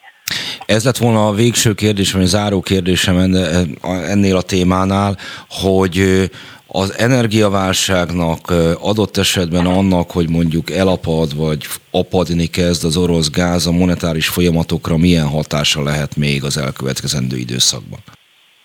Ugye ez elég egyértelműen negatív hatással lenne az európai gazdaságra, nem csak a magyar gazdaságra. Most ugye te, éppen tegnap az Európai Unió ismertette a friss tervét, hogy hogyan, tud, hogyan szeretne függetlenedni az orosz gáztól, de azért az látszik, hogy ez egy hosszabb folyamat lesz, tehát ezt nem lehet egyik napról a másikra ö, megtenni. Ugye, ha elapad az orosz gáz, akkor az egyik kérdés az, hogy honnan lehet beszerezni ö, földgázt. Valószínűleg az amerikai LNG ö, szállítások nem tudnák ezt teljes egészében ö, kompenzálni. A másik kérdés pedig az, hogy ha be lehet szerezni, akkor milyen áron. Tehát ha nem lehet beszerezni, akkor viszonylag egyszerű a kérdés, nincs földgáz, és kevesebbet kell felhasználni. Ha be lehet szerezni, akkor pedig az a kérdés, hogy milyen áron. Ez megjelenik az inflációban, és ezen keresztül az Európai Központi Bankot még erőteljesebb lépésekre kényszerítheti. Tehát az egyébként is évtizedes csúcson lévő európai infláció, ami most az eurozóna esetében 5% környékén van, az még tovább mehet felfelé a, az emelkedő földgáz és olajárak miatt, és ez pedig elhozhatja azt, hogy hamarabb kell kamatot emelni az Európai Központi Banknak. Értem, köszönöm szépen, hogy ezt eh, elmondta meg, itt volt velünk. Folytatjuk tovább a műsorunkat, előbb Beke Károlyal a portfólió ellenzőjével beszéltem viszont hallásra. Köszönöm szépen. És már is Gazsi Attila, a VOSZ elnök helyettese van velem. Arról van Arról beszéltünk idáig, hogy mit jelent a forint gyengülés különböző ágazatoknak. Kettőről konkrétan beszéltünk, az autópiacról és az építőiparról. Az lenne a kérdés, hogy ezen a kettőn kívül azt próbáljuk meg belőni, és a turizmus is vegyük ebből ki, mert arról meg majd utána fogunk beszélni, hogy milyen olyan szektorok vannak, amelyeket a forint egy árfolyam ingadozása, kettő pedig most egyértelmű gyengülése érzékenyen érint. Jó napot kívánok, üdvözlöm a hallgatókat én is. Azt gondolom, hogy vannak közeli, amit szektoriálisan rögtön érthető dolgok, akik külföldi termékekkel dolgoznak, főleg nyugat-európai euróban vagy dollárban elszámolható termékekkel dolgoznak alapanyagként, vagy, vagy bármilyen alapanyaghoz hasonló segédanyaggal dolgoznak, ő nekik mindenképpen egyből fáj az, hogy mennyibe kerül egy euró. Aztán ha végig gondoljuk azt, hogy egészen a kisvállalkozásokig mindenkinek van olyan terméke, mindenkinek van olyan ö, szolgáltatása, amiben begyűrűzhet még ez a, az árfolyam változás, akkor a, a ársapkával most egyelőre megtámogatott gázolaj, ha szabadjára lesz engedve a jelenlegi piaci árakon mindenképpen bele kell, hogy épüljön az árba, és ugye ez akkor további inflációgerjesztő hatása lesz. Most arról beszélt, hogy amikor még van az ástop az üzemanyagokra, abban az esetben, ha nem lesz, akkor ez értelemszerűen hajtani fogja felfele az árakat. De van-e olyan vállalkozás, olyan vállalkozás típus, amelyet egyszerre sújt az infláció, illetve az, hogy nem üzemanyagárakra, hanem másra ástop van kivetve?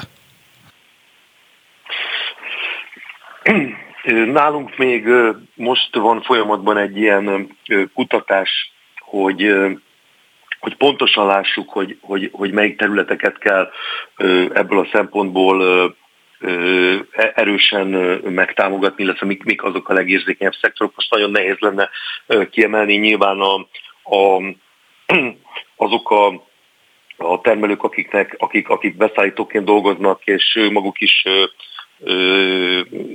alapanyagokkal dolgoznak, és nyilván, hogy az alapanyagok már most jelenleg a világpiacon Európa beszerez, Euróban beszerezhető alapanyagok már érzékenyen reagáltak itt a háborús helyzetre. Emiatt ő nekik az alapanyagok és az építőipar is például ilyen, ilyen téma. Már most látszik az, hogy hogy bajba kerülhetnek, illetőleg a bajba kerülés az nyilván egy több szereplős dolog, mert ha változik az ár, akkor egy ideig lehet nyilván a, a, a fedezetéből, a vállalkozó fedezetéből ezt kompenzálni, aztán egy idő után a vállalkozási szerződéseket, akár a hosszú távú szerződéseket is át kell gondolni, mert nem lehet finanszírozni azokat a dolgokat, vagy azokat a, a folyamatokat, amiben van olyan, amikor már napi ára van a, a betonvasnak, és nem lehet előre gondolkodni két-három hónapra sem, nem hogy, nem hogy hosszabb távon. Tehát azt próbálják most felmérni, hogy kik lennek, kik vannak a legnagyobb bajban a vállalkozások közül. Igen, igen, mert azért azt hozzá kell tennem, hogy, hogy voszként az egyik legfontosabb szolgáltatásunk a finanszírozás, a Széchenyi kártya programot ugye a, a VOSZ gondozza és Demian Sándor ötletéből alakult ez ki. És ott jelen pillanatban is még rendkívül jó kamatszinten tudjuk segíteni a, a vállalkozókat fejlesztésre, beruházásra, vagy akár áthidaló hitelként is. Ezek, ezek nagy segítséget jelentenek, ugye mert vállalkozó életében folyamatosan küzdelemmel él. Tehát ezt mi, akik vállalkozók érdekképviselét látjuk el, tisztán látjuk. Régebben az előző válság idején piac problémájuk volt, gyártás kapacitás, aztán egyre inkább, hogy gyártás kapacitás probléma lett, aztán forrás kapacitás, vagy forrás ö, probléma volt, hogy nem lehetett ö, finanszírozáshoz jutni. Most pedig ugye elérkeztünk ahhoz, hogy a munkaerő is ö, problémát jelent, és a munkaerő, amikor a, az euró ára elszállhat, akkor a, a környező országok elszívó képessége is megváltozik azoké, főleg ahol euróban fizetik a munkaerőt, és ez sokszor nem gondol bele senki, mégis ez egy, ez egy óriási probléma tud lenni. Nem csak a magyar munkavállalókat tudja elszívni a, az erős euró, hanem, a, hanem mondjuk az itteni vendégmunkásokat is. Például manapság olyan, olyan százezer fölötti külföldi vendégmunkásunk dolgozik itthon, aminek a jelentős része, több mint 50%-a, kb. 60 ezer ember ukrán. Ők jelentősen többen lesznek a következő időszakban. Ugyanakkor nem mindegy az, hogy a, nem ők se a saját devizájukhoz mérik, hanem az euróban megkeresett összeghez. Viszont talán azt is figyelembe veszik, hogy mennyire akarnak közel lenni a hazájukhoz, mennyire gyorsan tudnak mondjuk adott esetben egy háború szüntével vagy végével reagálni a helyzetre. Talán ennyiben Magyarország kedvező helyzetben van, mármely a munkaerőt illeti.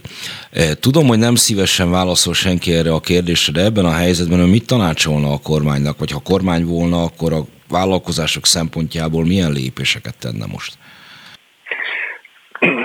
Ez, ez nagyon nehéz, és a kormány is nagyon nehéz helyzetben van, ugyanakkor látszik azt, hogy most ezt a háborús válságot meglehetősen erőteljesen és jól kezeli.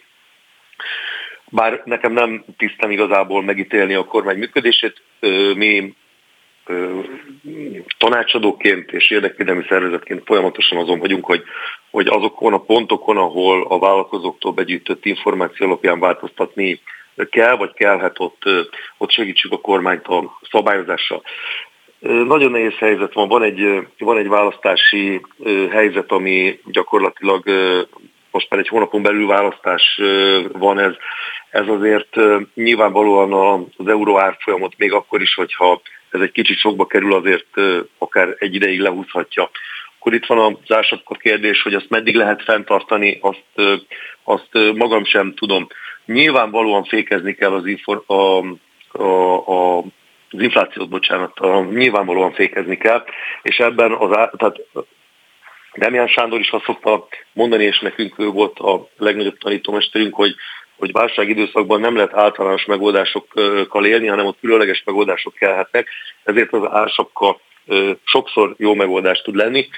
Nyilván azokkal a kiegészítésekkel, amiket mi megtettünk, és aztán a több minisztériummal egyeztetve át is vették ezt, tehát hogy mindenkinek részt kell venni ebből a, ebből a, ezekből a megoldásokból, és, és sok ilyen dolgot kellhet megtenni ahhoz, hogy az inflációt egy kicsit visszafogjuk, ami rendkívül nehéz a, a következő időszakban. Tehát az infláció, amúgy is volt egy nagyon erős inflációs nyomás a magyar gazdaságon, ugye azért elő, elég erőteljes volt a, a, a vértömeg kiáramlástól kezdve mindenféle forrás bőven állt rendelkezésre, és ezt egy, egy, egy nem várt újabb válság, amivel tényleg senki nem számolt még mondjuk decemberben, vagy akár még januárban sem, ez, ez, ez, ez még tovább gerjeszti, és nyilván, hogy a, a kisebb, erőtlenebb gazdaságok, ezt nyilván a, a 10 milliós gazdaság az jóval kisebb, mint mondjuk egész Nyugat-Európa, és az, hogy a forint is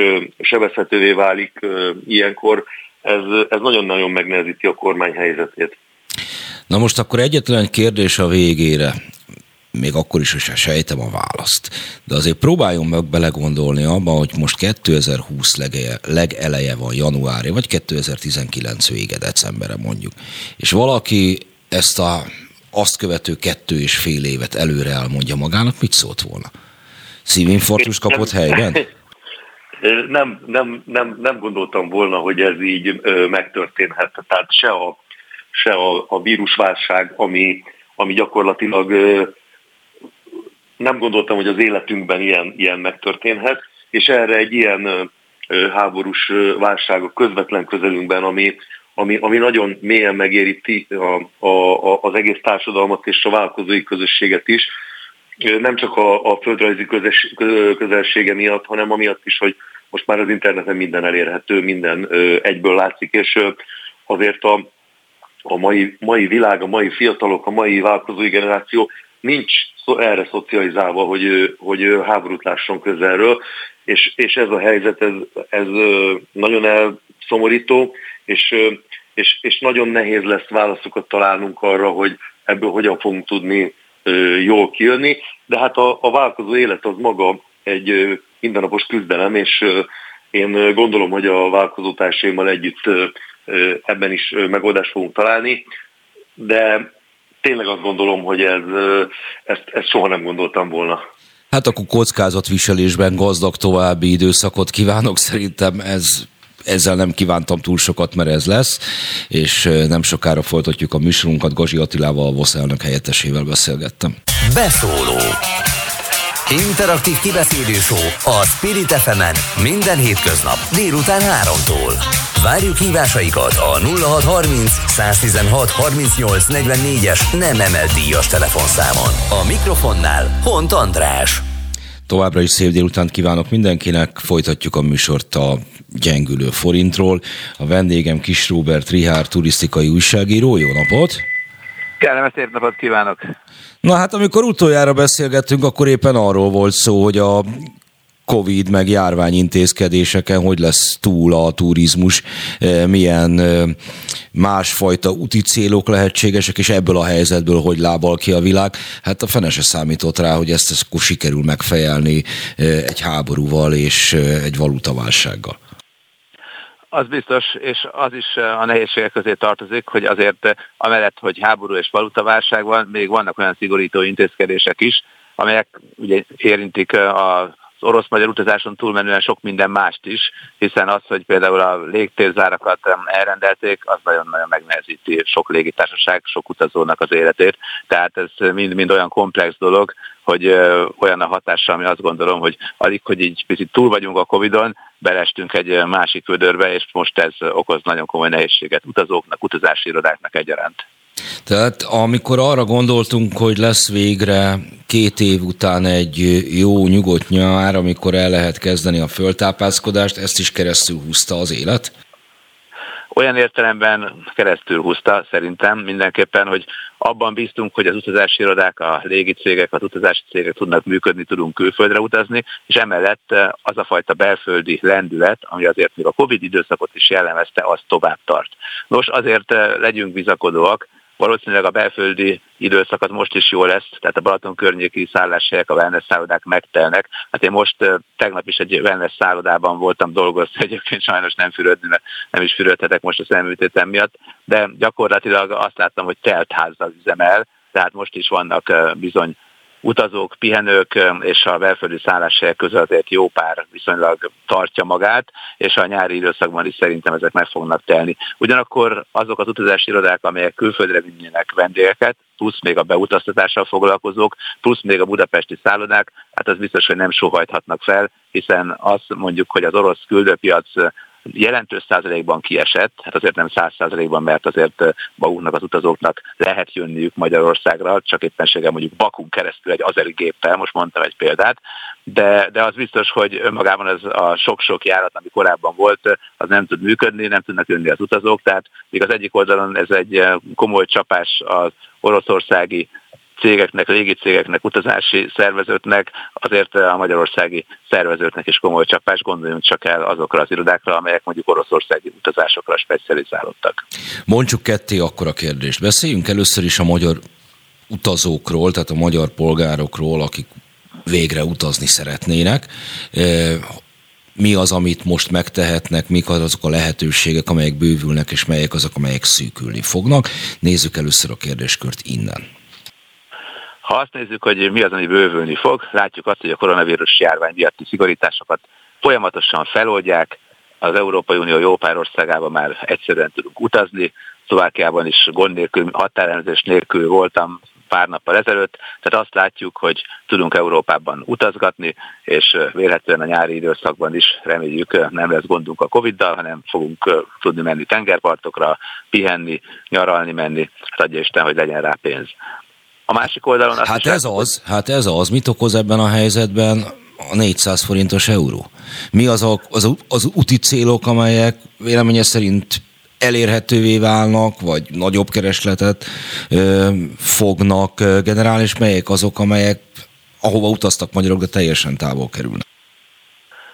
Azt gondolom, hogy olyan, ami teljesen távol kerül, olyan, olyan nincsen, mert mindig lesz olyan ember, aki el tud menni valahova, mert van lottónyertes is, vagy bármi más. Tehát ebből a szempontból most is vannak egzotikus úti célok, ahol sok magyar tartózkodik, a Maldiv szigeteken is a második legjobb év lesz a mostani szezon. A tavalyi meg rekordot jelentett, tehát ilyen értelemben az, hogy pár ezer magyar oda utazik, az már ott komoly idegenforgalmi erősséget jelent, és azt is látjuk, hogy Dubajban a világkiállításon is azért gyakran hallani magyar szót, ugye hát nem sokára vége lesz, de gyakori célpontja ez a magyar vendégeknek. Tehát vannak olyan területek, ahová most is utazunk, Zanzibárra is ment magyar csoport, tehát azért most is vannak utazások, és a nyári időszakban is sokan fogunk útra kelni külföldi kirándulásokra, azt látjuk. A közkedvelt úti célok közül jó párra ugyanúgy el fogunk tudni menni, sőt már az utazási kiállítás idején is sokan befoglaltak nyaralásokat, ezt látjuk. Ja, azt is látjuk, hogy ez a fajta forint-euró váltakozás, ez mindenképpen drágítja az utazásokat. Ha valaki saját maga foglal akkor biztos, hogy a későbbiekben magasabb szállásárakra kell, hogy számítson. Ha pedig oda megy az adott célra, akkor nyilvánvalóan, mivel hogy euróval fizet mondjuk Olaszországban, Ausztriában, több forintot kell azért adnia, tehát drágul a szolgáltatás, az étterem, a különböző látványosságok megtekintése és sok minden más. Ez mindenképpen drágább lesz egy külföldi nyaralás akkor, hogyha ez a fajta árfolyam megmarad, vagy esetleg még ne Isten romlik. De melyik fajta nyaralás az, amely leginkább drágul elő? Arra próbáltam utalni, hogy most jó hagyjuk azt, hogy természetesen van hogy mindig olyan réteg, amelyik bármit meg fog tudni fizetni, hanem mondjuk lehet, hogy mondjuk adott esetben távoli úti célok, Afrikában, Ázsiában, de inkább mondjuk Afrikában kifizetődőbbek lehetnek, mint mondjuk valahol Nyugat-Európában egy tengerparti üdülés. Pont az előbb említett árfolyam változás miatt. Hát lehet, hogy az árfolyam változás miatt maga az ótrét az olcsóbbá válik, de a kerozin meg drágább, és az üzemanyagár emelkedése miatt a légi járatoknak az ára az jóval magasabb lesz. Erre hadd mondjak egy érdekes példát, hát mindig nézegettük azt, ilyen klasszikus példa volt a különböző televíziókban, hogy hát Horvátországban mennyibe kerül egy nyaralás, például egy apartman, meg Balatonnál mennyi, és akkor sokszor kiosztuk, hogy hú, hát Horvátországban ugyanannyi, vagy olcsóbb mondjuk egy apartman. Hát igen, csak mire lejutunk az adott horvátországi területre, az mondjuk plusz 60 vagy 70 ezer forintba kerül, és akkor ez nagyjából agyon is vágta. Tehát ez egy eléggé fals dolog egy ilyen összehasonlítás, hiszen ilyen alapon, ha meg Tájföldre megyünk, vagy Vietnámba utazunk, akkor meg még olcsóbb, mert akkor már 5000 forintért is kapunk adott esetben egy szállás helyet. Tehát nyilván ezt nem lehet így számolni, mert az odajutás költségét azt nem lehet figyelmen kívül hagyni, és akármit is csinálunk, akkor is egy légi járat mondjuk Tájföldre, Vietnámba, afrikai országokba, az biztos, hogy drágább lesz, mint hogyha önmagában egy utazást nézzünk mondjuk akár Észak-Afrikába, Egyiptomba, Tunéziába vagy, vagy Horvátországba. Tehát az egzotikus úti céloknál az odajutása a légi járat az, ami megdrágítja a dolgokat. Önmagában, hát ha Dél-Amerikára gondolunk, akkor pár dollárból tökéletesen el vagyunk mondjuk egy perui településen, vagy voltam Ekvádorban, ahol, ahol az ember napi 100 dollárból már akkor a király, hogy ihaj csuhaj. Tehát igazából az odajutás az nem lesz olcsóbb, és mivel az nem lesz olcsóbb, hanem a kerozin áremelkedés miatt drágább lesz, ezek nem jelentenek majd reális alternatívát.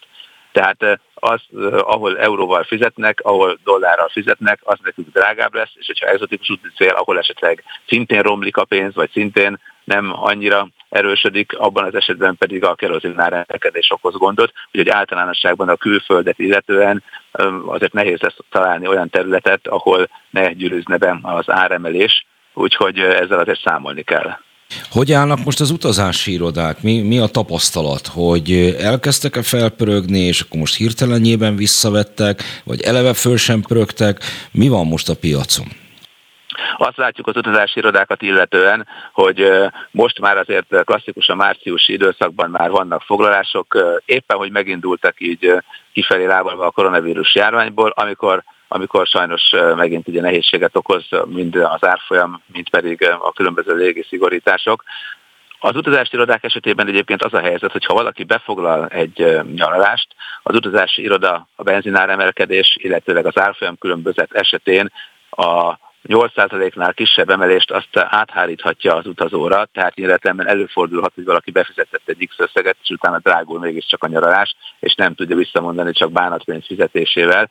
Ezt azért tudni kell, azért az utazási irodák is azt gondolom, hogy abban érdekeltek, hogy minél többen elutazzanak és elégedettek legyenek, tehát valószínűleg az árésük terhére inkább szerintem még csak kevesebbet fognak érvényesíteni az emelésből, mint amennyi sokszor indokolt lenne, de hát nyilván veszteséget nem akarnak termelni.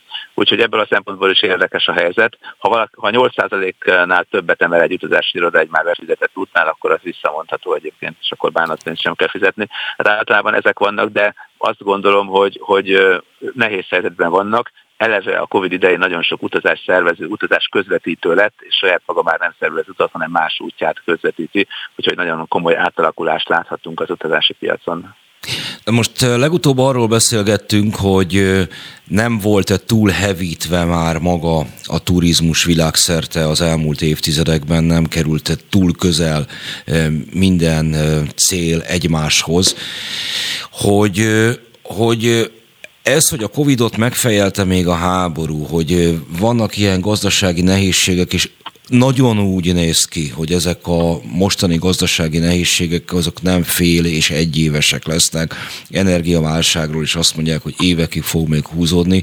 Ez teljes egészében átrendezi ezt a piacot világszerte teljes egészében átrendezi, de hát látjuk azt, hogy végül is ezt, ezt magunknak csináljuk, olyan értelemben, hogy, hogy van egy szörnyű esemény, és akkor, hogy miként reagál a világ, azt nagyjából az adott szervezet, az Egyesült Államok, az Unió vezetői döntik el, tehát ez nem alakítható folyamat. Az idegenforgalmi szempontból azt látjuk, hogy, hogy nehézséget okoz, újból nehézséget okoz, de a másik oldalon viszont a közelebbi célállomások pedig felerősödhetnek. Tehát azt azért már megszoktuk az elmúlt húsz évben, hogy szeretünk utazni, szeretünk világot látni, szeretjük megismerni a saját országunkat, és azt is láttuk, hogy Magyarországon nagyon komoly fejlesztések történtek, akár a szobákat illetően, akár a szálláshelyeket, az attrakciókat illetően.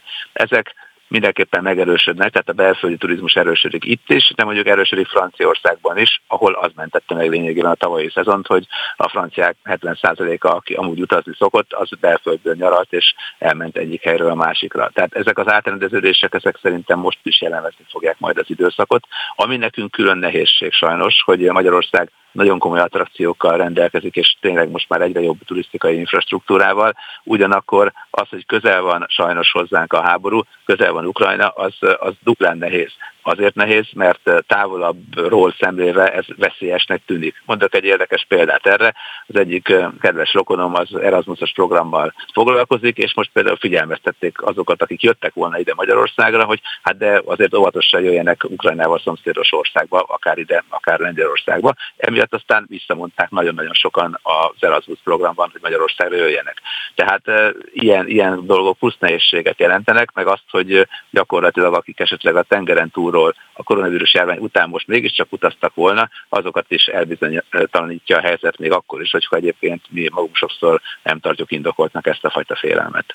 Na igen, rá akartam térni Magyarországra, de akkor sikerült beelőzni ezzel kapcsolatban, tehát az, hogy Magyarország eh, mint turisztikai szolgáltató, az eh, milyen helyzetbe kerül a mostani megpróbáltatások miatt. Én azért érzékelek egy olyan hatást az elmúlt hónapokban, hogy azért, mert Magyarországon jóval lazábbak voltak a koronavírus intézkedések, mint Nyugat-Európa nagyobb részében az elmúlt hónapokban, hogy kifejezetten fellendült egy Magyarország irányába tartó áramlás. Ez most ebben a helyzetben ezek szerint elapad?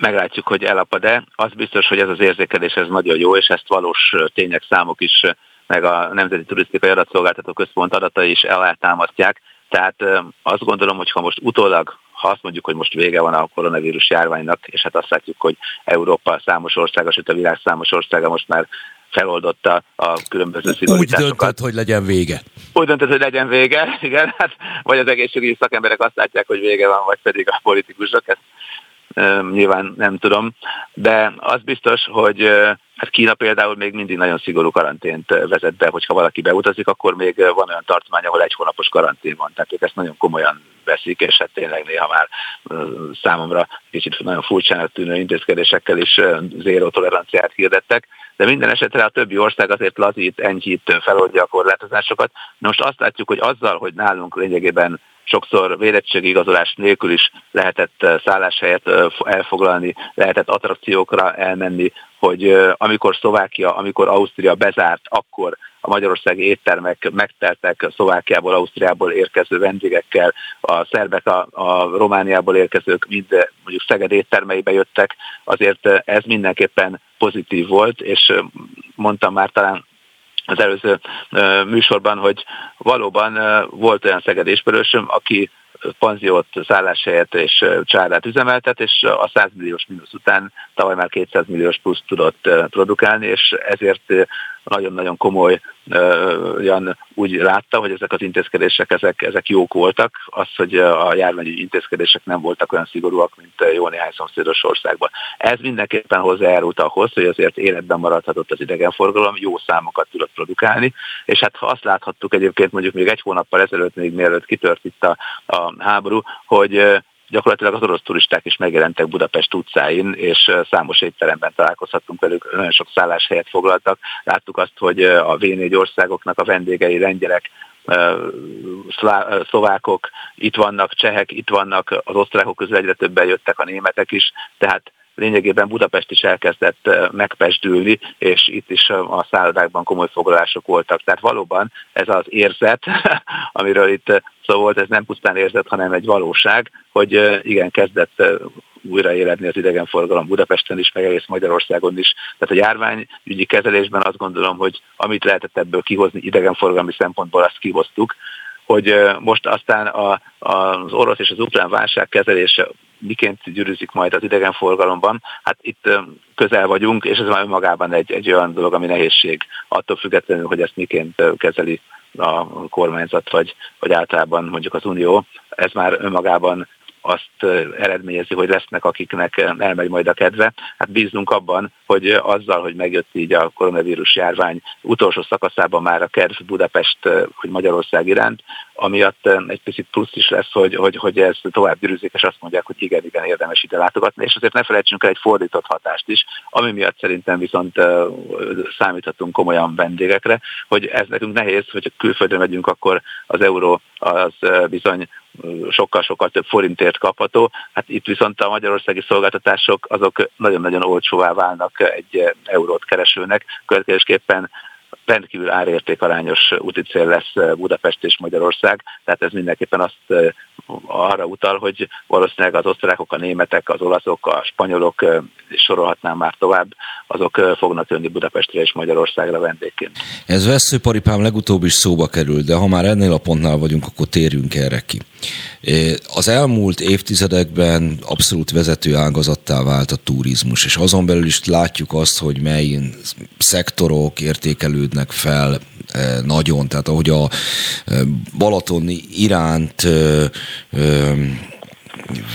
felfokozott német érdeklődés úgy megszűnt a rendszerváltással, egészen más arcáról ismerték meg Magyarországot, akik külföldről érkeztek, kiderült, hogy mi érdekes belőlünk. Meddig lehet azt fenntartani, hogy ezt ezeket Magyarország, vagy legalábbis bizonyos részei, önkormányzatok, ilyen-olyan közösségek vissza akarják fogni. Az, hogy Budapestnek csak egy egészen parányi részén van éjszakai élet, az, hogy a fesztiválokat nem fejlesztik, hanem próbálják települések ide-oda tolni, ahelyett, hogy látnánk ebben a lehetőséget. Ez meddig fenntartható?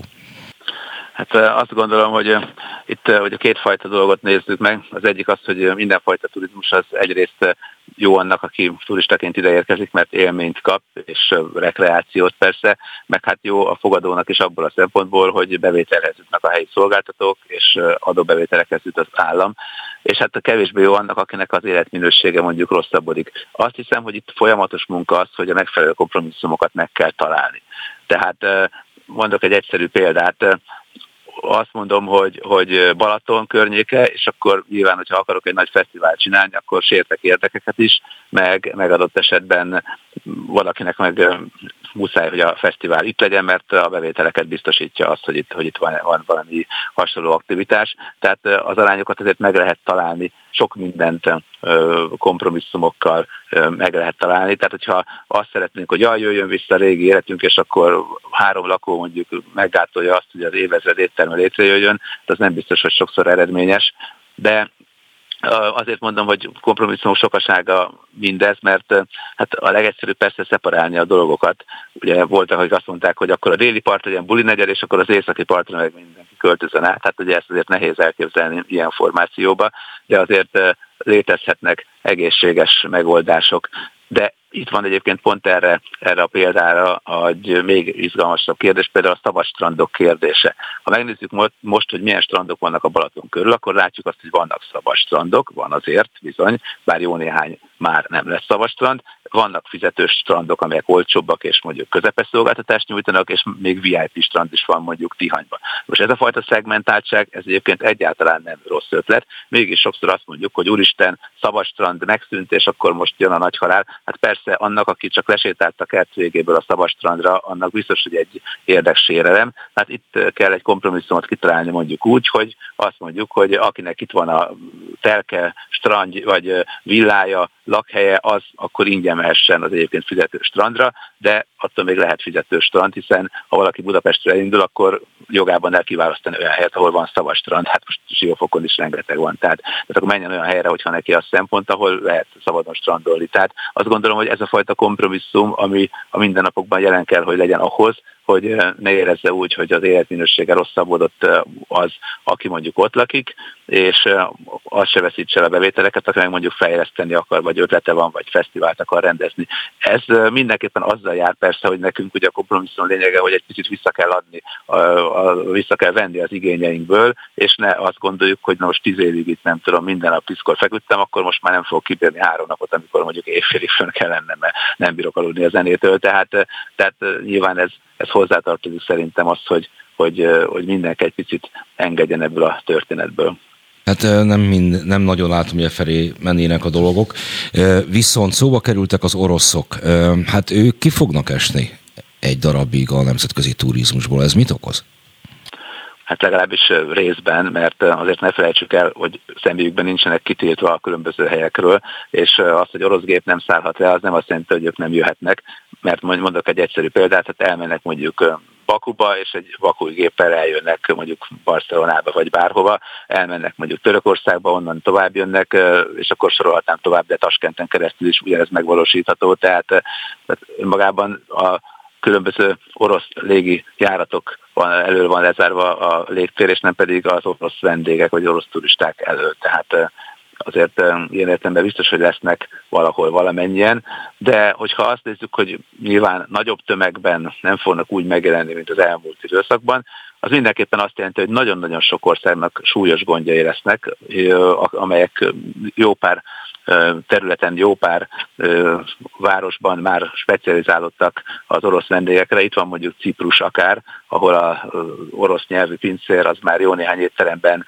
egy ilyen kötelező munkavállaló volt, és látjuk azt is, hogy még akár Barcelona turizmusa is megérezheti az orosz vendégek hiányát, de hogyha Magyarországra gondolunk, akár itt van mondjuk Hévis szintén, és Budapesten is már a top 10-be belefértek, és nem csak a számarányukat illetően, hanem a költéseket illetően, mert azért a japán turisták mellett és a németek mellett az orosz turista az, amelyik a legtöbbet tölti, vagy akik a legtöbbet költik, tehát azért azok a, azok a pénzek, amiket mondjuk ők a különböző márkaboltokban, szuvenírboltokban, fakultatív programokon elköltenek, azok bizony hiányozni fognak. És az itt eltöltött idő is viszonylag magas az orosz vendégek körében. Ha ők például elmennek mondjuk Sárvára gyógyturistaként, akkor gyakran két hétig is ott tartózkodnak, és emiatt aztán az általuk generált bevétel meglehetősen magas, és nagyon fog hiányozni. Hát azt elhiszem, főleg a szolgáltatóknak. Nagyon szépen köszönöm, hogy beszéltünk a turizmus helyzetéről jelen pillanatban, mind Magyarországon, mind a magyar utazók szempontjából világszerte. Ezzel a mai műsorunk véget is ért, mert jönni fognak a hírek. Kis Robert Riárnak köszönöm szépen még egyszer, hogy rendelkezésre állt. Én is köszönöm. Majd legközelebb én a jövő héten leszek, ha minden igaz.